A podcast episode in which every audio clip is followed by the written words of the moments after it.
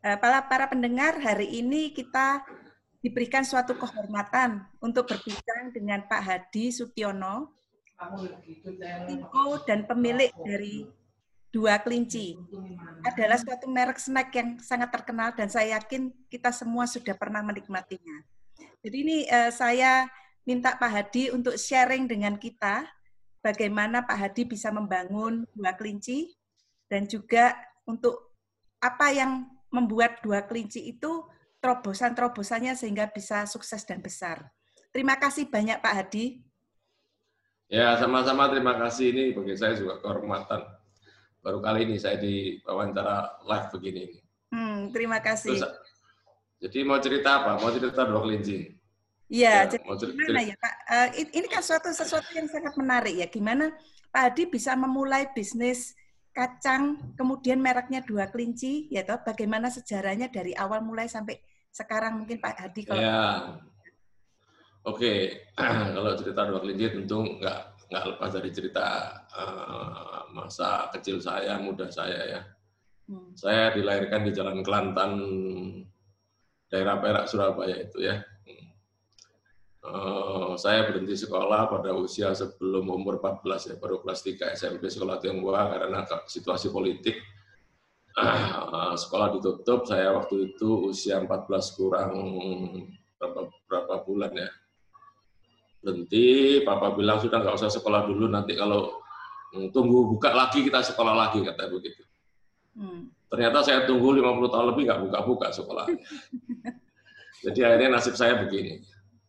Jadi usia 14 tahun, hmm, saat itu papa dipercayai bos-bos untuk jadi direktur di satu bank di Jalan Karet. Hmm, saya umur 14 ya disuruh bantu. Ya celana pendekan main-main. Zaman dulu bang ya masih sandalan celana pendek boleh. Hmm. saya 20 bulan di situ. Nggak tahu kerja apa ya nggak tahu. 14 tahun bisa apa sih 20 bulan kemudian banknya juga bangkrut. Mari gitu nganggur berapa bulan. Setelah itu saya ditrainingkan di toko toko Wakyong di Jalan Kapasan. Kalau nggak salah nomor 168 selama tiga bulan training di toko PND untuk dipersiapkan buka toko PND juga di Atom Baru di Jalan Gembong 38. Setelah tiga bulan kemudian saya di training, saya buka toko namanya Toko Bintang Mas di Jalan Gembong 38. Buka toko 68 sama kakak saya yang betul-betul besar, jaga toko di situ, tapi ternyata daerah situ juga sepi, bisnis kurang bagus. Suatu ketika tahun 70 ada temannya papa nitip sama kita suruh jualin kacang. Dengar Sari Harum. Saat itu merek kacang yang paling top adalah Sari Wangi. Hmm. Sari Wangi bukan teh ya, Sari Wangi kacang garing itu pabrik pertama kacang garing di Indonesia di Tegal saat itu memang zaman tahun 70 itu kan hmm, oversupply. Jadi tentu uang cari barang bukan barang cari uang seperti sekarang. Sehingga eh, kacang itu laku sekali, nggak lama, belum satu tahun saya rasa diperingati sama Sari Wangi, karena memang desainnya, gambarnya, warnanya, layoutnya mirip sekali sama Sari Wangi yang market leader itu. Terus akhirnya teman papa berhenti, akhirnya kita pikir, oh, laku ya, cobalah kita bikin merek sendiri, kita jual sendiri, kita bungkus sendiri. Nah, akhirnya kita, karena saat itu kita jual permen white rabbit yang dari Cina, ada kalengnya, modelnya kelinci, naik gerobak itu, hmm. terus kita kasihkan tukang gambar saat itu, tukang gambar ya belum ada komputer ya tahun 70 ya, uh, cat air itu ya. Kita minta mereknya Sari Guri uh, dengan gambarnya kelinci. Akhirnya sama tukang gambarnya keluarnya kelinci dua ekor naik kacang, ada ikan loncat. Itu dia gambar kira-kira tahun 71 barangkali. Jadi gambar itu sampai hari ini masih kita pakai, berarti sudah mau 50 tahun ya. Hmm. Nggak terasa, betul ya 50 tahun ya sekarang ya kira-kira 50 tahun ya. Hmm. Nah, dalam perjalanan kita akhirnya bungkus beli kacang dari Jawa, dari Pati, Kudus, Jepara, kita beli pertama setengah truk, kita taruh di ruang tamu, kita alasi dengan meja bim meja bimpong, kita bungkus sama keluarga. Oh iya, saya tujuh saudara, saya di tengah-tengah, saya anak keempat. Ya. Bungkus sama papa, mama juga ya. Hmm, tapi mama saya relatif, eh, sangat rajin sekali, luar biasa. Tapi dia relatif masih muda sudah meninggal tahun 77 dalam usia 57. Hmm. Uh, akhirnya kita bungkus terus laku-laku. Hmm, terus juga akhirnya berkembang, dapat rumah sebelah. Uh, karena rumah saya cuma 220 meter, rumah sebelah ditawarin, kita beli, mahal sekali. Uh, pasaran mungkin 12 juta saat itu, saya masih ingat kira-kira tahun 80 barangkali saya beli 20 juta karena butuh, tapi plus juga dapat bonus. Rumah sebelah saya beli mahal, tapi saya dapat bonus, yaitu putrinya dikasihkan saya. Sekarang istri saya. Jadi saya beli rumah mahal, tapi dapat bonus putrinya. Sekarang istri saya dia. Nah, perjalanan bungkus terus, akhirnya karena supply-nya nggak lancar, saya kadang-kadang pembelinya banyak sekali ngantri. Kita kerja dari pagi jam 6 sampai jam 4, istirahat 2 jam, jam 6 kerja lagi sampai jam 10 malam. Uh, tapi akhirnya untuk uh, tahun 68, tahun 74, toko saya di Atom Baru saya pindah ke Pasar Turi. Jadi 74, 76 saya di Pasar Turi 2 tahun, tapi setelah dua tahun, 76 saya tutup tokonya, toko Bintang Mas itu saya tutup karena eh, kacangnya laku luar biasa, sehingga saya fokus ke rumah. Hmm, jadi fokus ke rumah semua di rumah, bungkus kacang, lebih fokus sejak tahun 76. Eh, toko ditutup. Dalam perjalanan karena supply sering nggak cukup, kita minta juga mesti dijanji, nggak dikirim-kirim, ngantri, ya kita maklumi lah saat itu kan orang bilang larisnya seperti kacang garing ya karena kadang-kadang dulu kapasitas mereka itu masih dengan prosesnya tradisional manual sehingga kapasitasnya nggak bisa besar karena saya termotivasi ke Pati karena saya minta kacang itu mesti ngantri.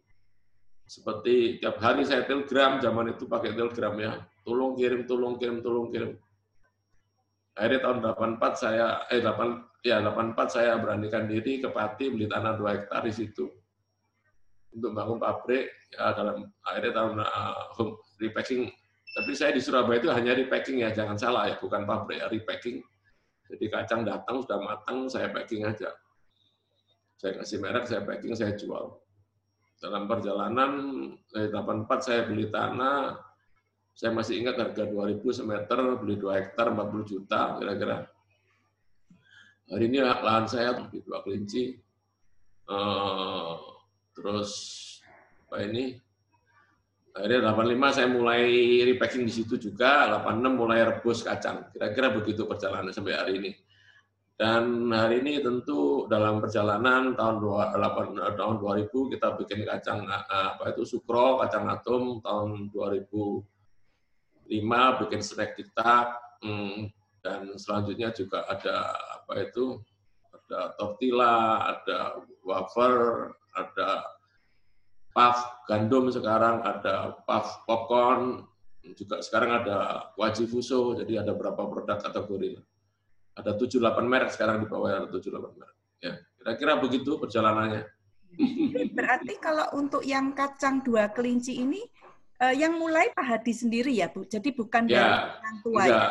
ya. Ya gini loh, kalau di Surabaya kita semua sama saudara saya tujuh saudara, semua kerjasama hmm.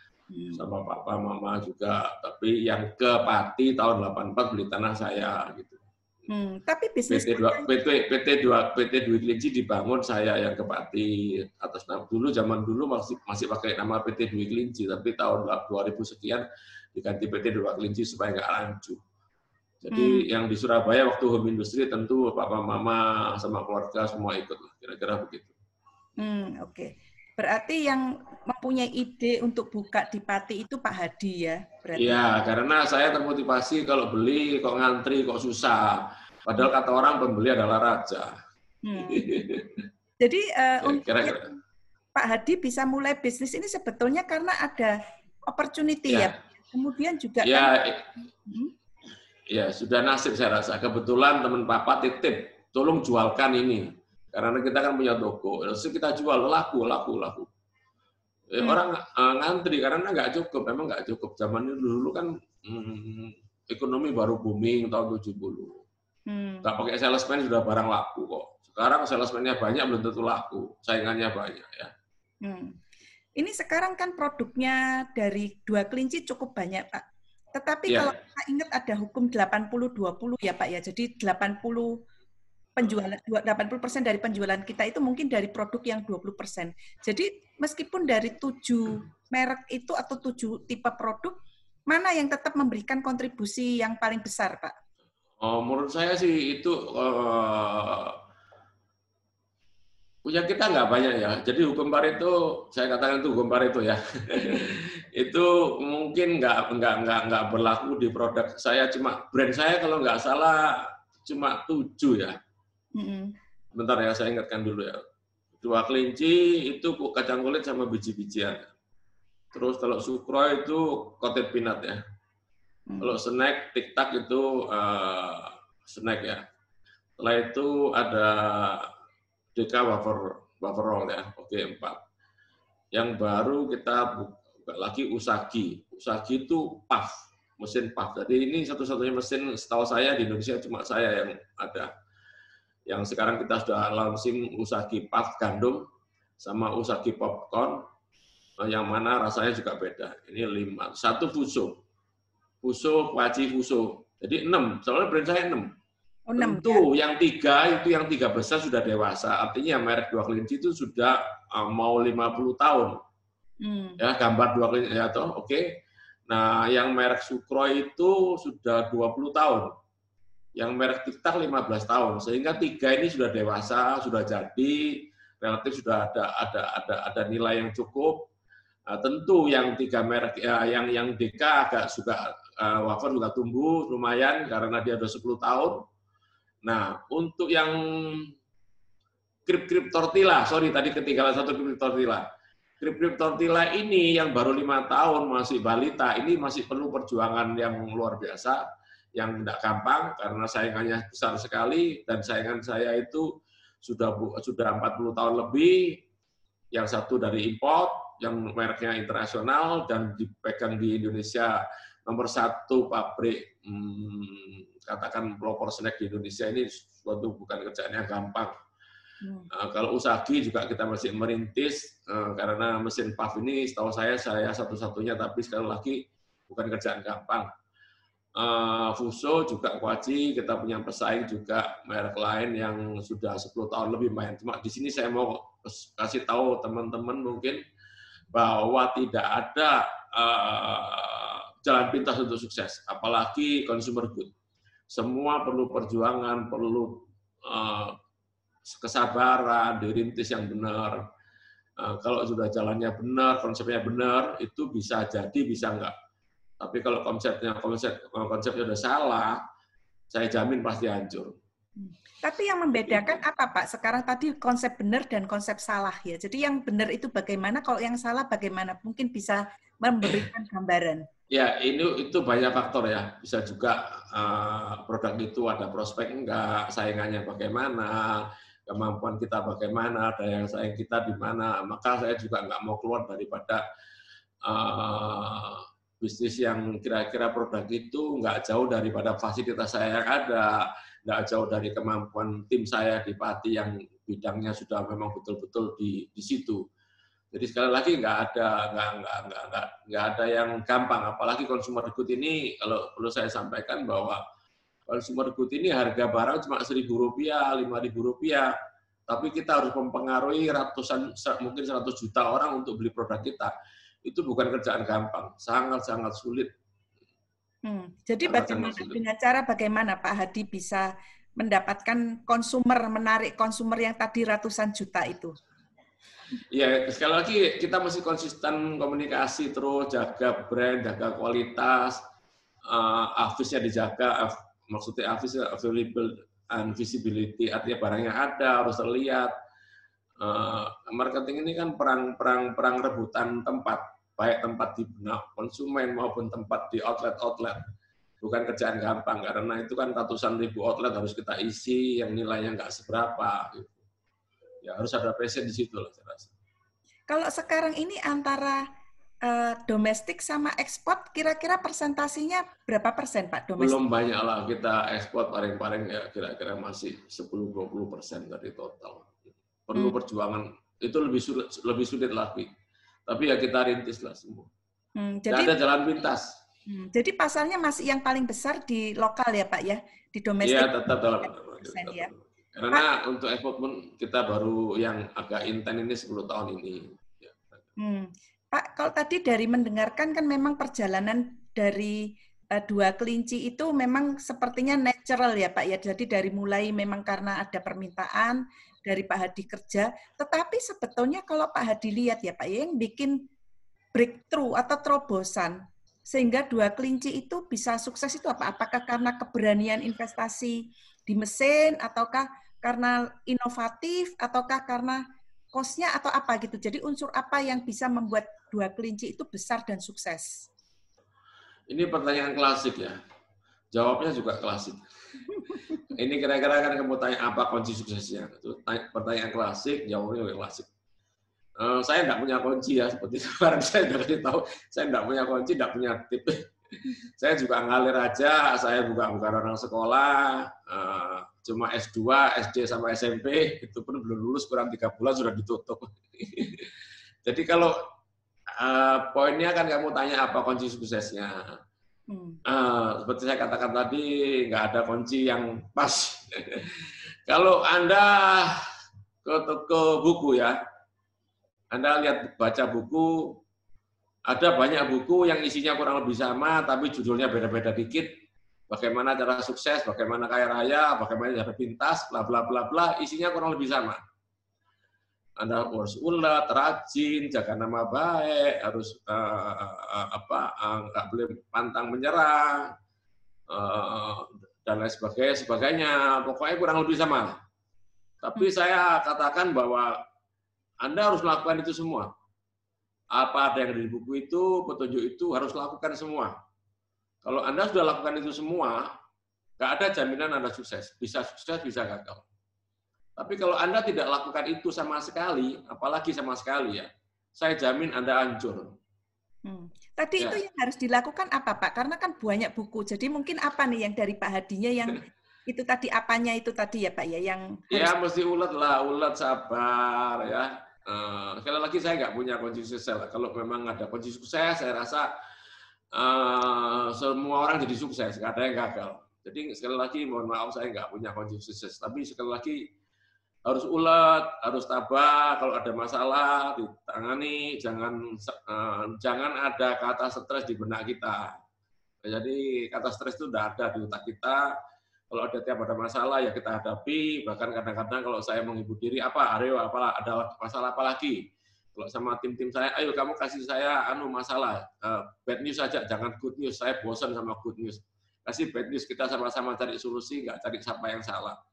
Nah kalau sudah Kadang-kadang kita kalau mau menghibur diri, Ron, uh, saya ini dilahirkan kita, saya nggak bilang saya, kita ini dilahirkan untuk atasi masalah. Jadi kalau ada masalah jangan jangan jangan jangan jangan jangan ada rasa stres, itu santai aja, ketawa aja.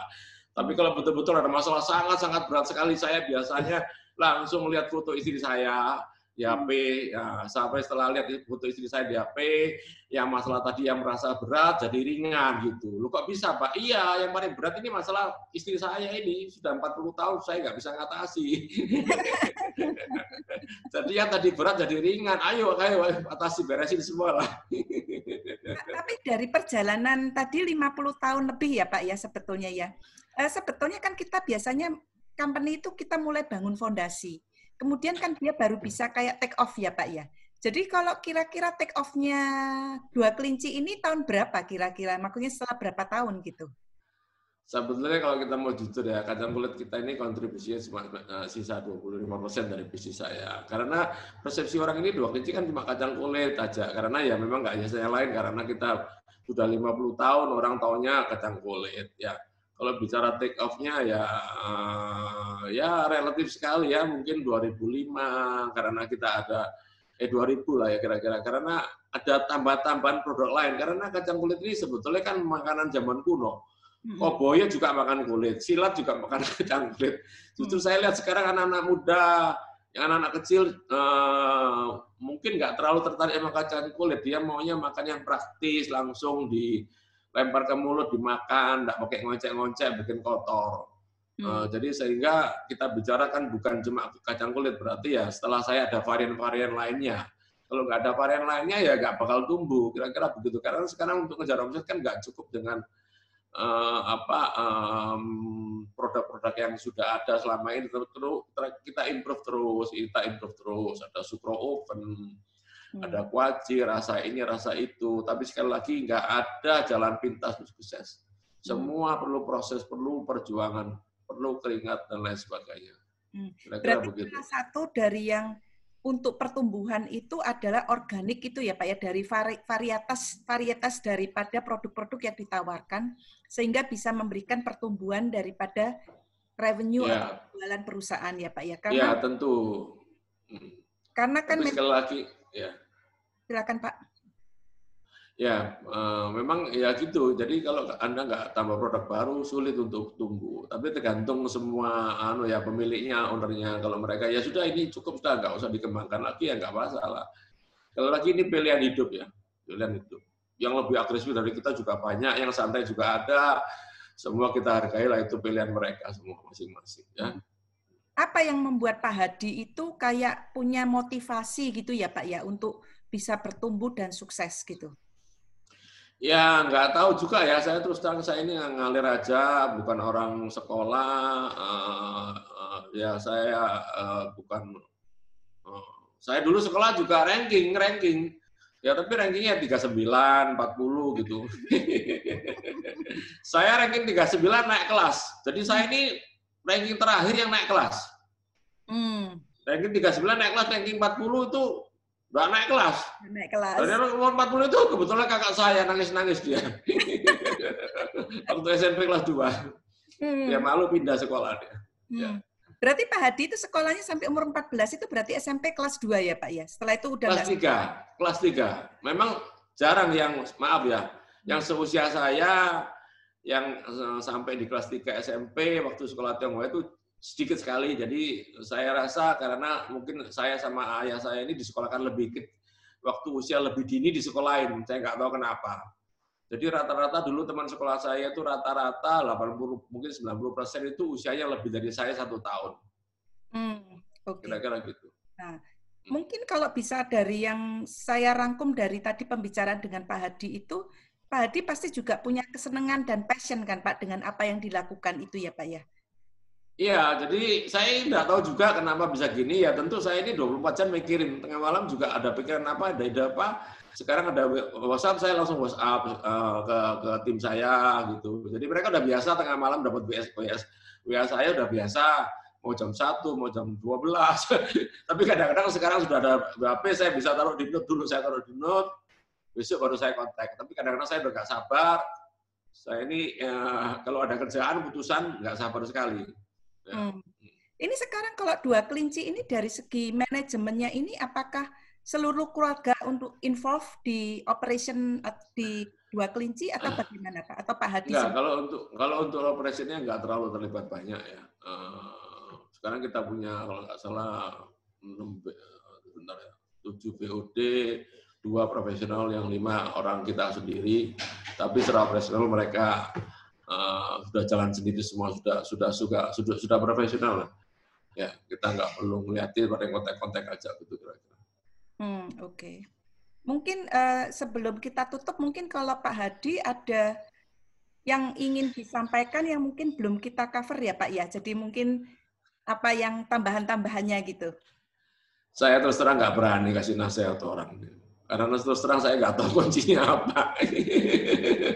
Cuma kadang-kadang memang fokus ya, fokus ya, fokus juga nggak boleh menyerah. Ya sama lah, kamu beli buku di toko buku banyak kok itu isinya kurang lebih sama. Saya jamin kalau kamu baca semua, kamu ikuti semua, eh, bisa sukses, bisa gagal. Hmm. Tapi kalau nggak kamu ikuti, saya jamin mau pasti hancur. Hmm.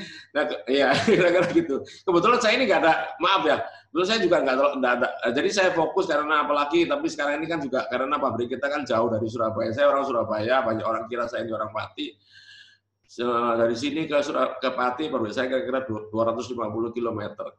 Dulu masih saya bisa banyak di situ, apalagi waktu anak-anak masih kecil, masih sekolah di luar, saya bisa banyak waktu di situ. Sekarang kan enggak di sini aja sama istri Eh, jadi tadi sekali lagi saya nggak berani kasih kasih apa katakan saran atau kunci apa yang sukses. Hmm. Kira-kira begitu. Hmm. nasib itu enggak, enggak luput juga. Nasib itu saya rasa nggak bisa dihindari ya. Begitu pasti ada, kita mengalir aja. Saya enggak, enggak punya target apa, macam-macam enggak. Cuma memang saya masih tiap hari mikiri apa-apa yang bisa kita lakukan, terutama hal-hal yang bukan rutin. Jadi hal-hal yang saya banyak mengalami hal-hal yang tidak bukan rutin tapi itu pun juga tiap hari banyak yang harus kita putusin. Hmm. Berarti Pak Hadi sekarang apakah sudah um, apa estafetnya sudah diberikan kepada anaknya yang menjalankan atau bagaimana Pak? Ya kita bagi-bagi tugas lah. Saya masih punya adik ya, yang satu menangani keuangan, satu menangani ekspor, atau ponakan satu yang menangani pembelian. Putra saya satu fokusnya di eh, market sales and marketing putri saya bantu di keuangan, tapi bukan di operasional. Tidak, dia, tidak usah tidak perlu ngantor. Dua-dua punya di rumah, bantu-bantu. Ini itu yang kira-kira hal-hal yang enggak enggak enggak enggak harus kita tangani sendiri. Yang bisa kita delegasikan, kita delegasikan. Kita hanya nangani hal-hal yang tidak bisa didelegasikan, terutama sih keuangan-keuangan itu. Ya, kira-kira gitu. Pak, itu kan pabriknya Bapak kan di Pati ya, tapi uh, yeah. untuk sumber kacangnya sendiri kan bukan di Pati, tetapi dekat Pati. Kenapa ya Bapak yeah. milih lokasinya di Pati itu? Karena tempo hari waktu ke pabrik Bapak itu kan katanya sekitarnya nggak ada pabrik kacang sebetulnya. Jadi kan si, eh sorry bukan pabrik kacang, tapi kebun kacang. tapi harus rada jauh gitu. Tapi kenapa yeah. lokasinya di Pati? saya saya nggak tahu. Saya masuk ke Pati karena pabrik kacang kumpul di situ. Jadi di Keresidenan Pati itu termasuk Pati, Kudus, Mayong, Pati, Kudus, Mayong, Jepara, pabrik kacang. Waktu saya ke situ tahun 80-an itu ada 20 lebih pabrik kacang di situ. Hmm. Mungkin di Indonesia ada 30 lebih saat itu ya.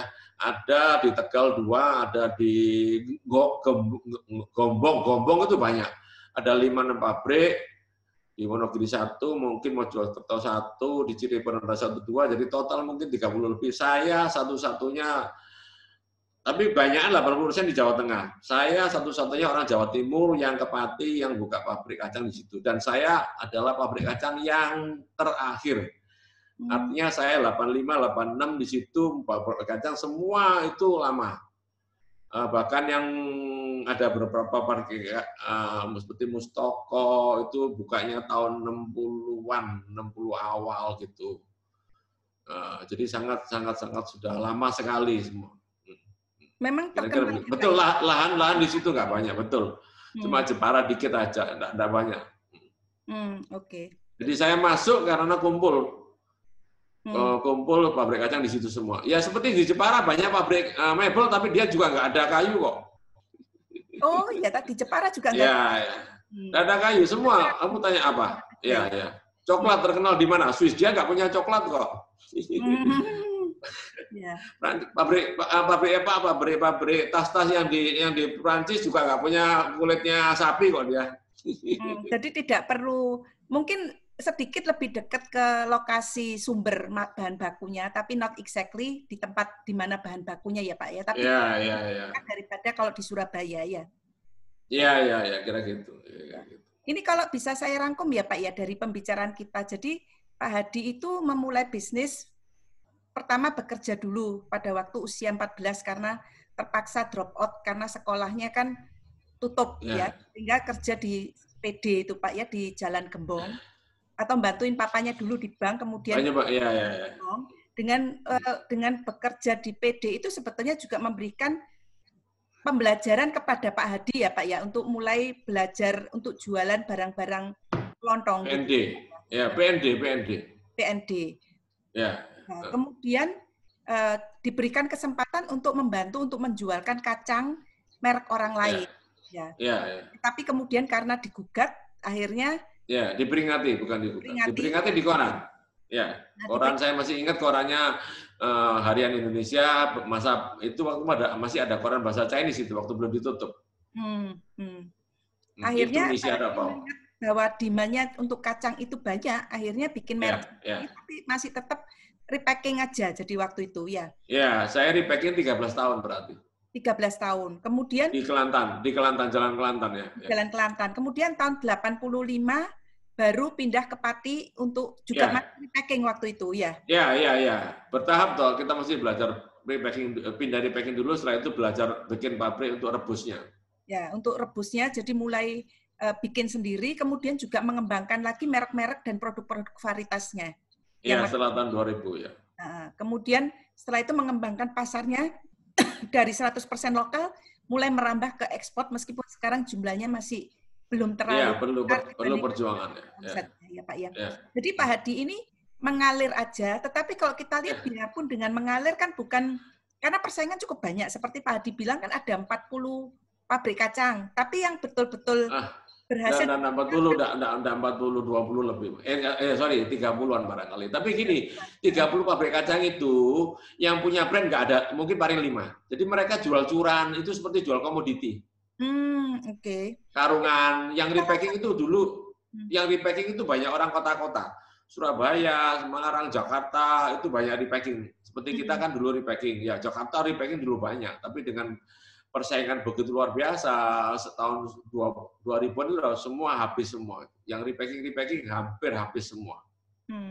Jadi sebetulnya salah satu kuncinya juga untuk bisa menambah value itu adalah dengan memberikan merek ya Pak, branding ya Pak ya. Karena kalau cuma repack, cuma jual curah kan berarti cuma jual komoditas. Sedangkan kalau ya. dengan merek kan kita ada suatu differentiation ya Pak ya, sehingga lebih ada value-nya lah dan bisa lebih dikembangkan ya. gitu. Iya, iya, iya. Hmm. Karena kan alam, orang itu kan people by name not by product. Iya, betul. ya, ya, ya. Terima kasih. Itu kira-kira Mm-hmm. Kira-kira berdasarkan ini kalau berarti kalau di, dikasih judul ya Ron tak kasih tahu bermula pada akhir berakhir pada awal. Nangkep nggak kamu? Nangkep. Iya. Kamu ulangi ulangi apa? Bermula eh, dari cek. awal, berakhir dari Bingung toh? Ulangi lagi. Hmm. Bermula pada akhir, berakhir pada awal. Hmm, Oke, okay. ya udah nanti Betul itu. Toh? Karena proses industri itu kan packing jual adalah terakhir. Mm -mm ya kita akan mundur gitu ya. Ya kira-kira gitulah. Kamu lebih pintar dari saya Ron. Oh, oh PSD, doktor eh, Amerika, segala macam. Eh, MBA, PhD, nggak tahu lah saya. Iya. Tapi sebenarnya memang banyak orang mulainya dari hulu dulu, Pak ya. Hulu terus ke hilir kan. Dengan yang penting Pada begitu ya, di Indonesia. Hmm. Ya, karena dulu kan industri kan belum tumbuh, mereka semua trading. Biasalah, saya rasa di pabrik banyak yang begitu. Tapi nggak semuanya. Tapi pada umumnya begitu. Setelah hmm. menguasai pasar, sudah punya merek, baru buka pabrik. Karena hmm. gitu. Nah, kemudian diversifikasinya bisa uh, horizontal atau vertikal ya. Bapak kan juga yeah. ke horizontal kan. Pertama ke vertikal dulu dari hulu ke hilir. Setelah itu ke yeah. horizontalnya kan. Jadi dengan varietas produknya itu ya Pak ya. Iya, kira-kira begitulah. Hmm. Terima kasih banyak Pak Hadi. Sama-sama ya, terima kasih. Gus Ronawati Wongso, terima kasih banyak atas kesempatannya. Suatu kehormatan bisa berbincang dengan Pak Hadi di pagi ini. Terima kasih banyak. Ya, terima kasih, terima kasih.